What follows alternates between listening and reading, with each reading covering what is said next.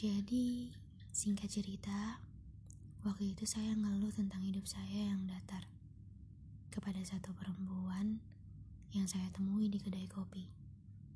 Namanya Mbak Ara. Mbak Ara ini malah ngomong dengan ademnya kayak gini.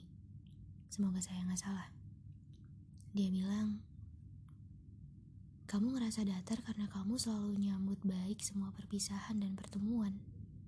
Di saat orang-orang sibuk ngerasain kehilangan dan belajar menerima perpisahan, kamu justru sibuk nyambut pertemuan. Mengenai perpisahan, kamu tuh lah sudah lebih dari sekedar tahu bahwa kuncinya itu memang cuma dengan dealing and accepting. Itu yang bikin kamu jadi terpaksa lupa. Kamu akhirnya beneran lupa untuk ngerasain bahwa hidup kamu itu ada up and down-nya. Coba aja kamu tulis dengan lebih lengkap semua kisah hidup kamu itu.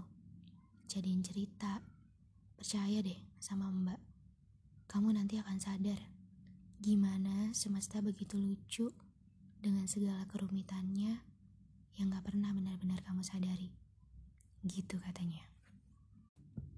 Dan ya Tuhan, saya mau ketemu mbak itu lagi. Sumpah, I adore her so much.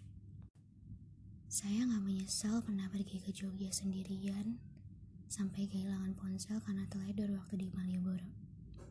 Saya gak menyesal karena sosokan masuk di salah satu kedai kopi yang akhirnya bikin saya ketemu dengan bayi itu.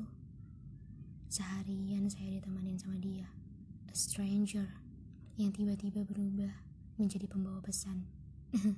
I guess. Perasaan itu anugerah. Nikmatin dan terima. Kamu mau mengakui atau enggak, itu terserah keputusan dan pilihan kamu. Jodoh gak pernah ke mana. Tenang aja.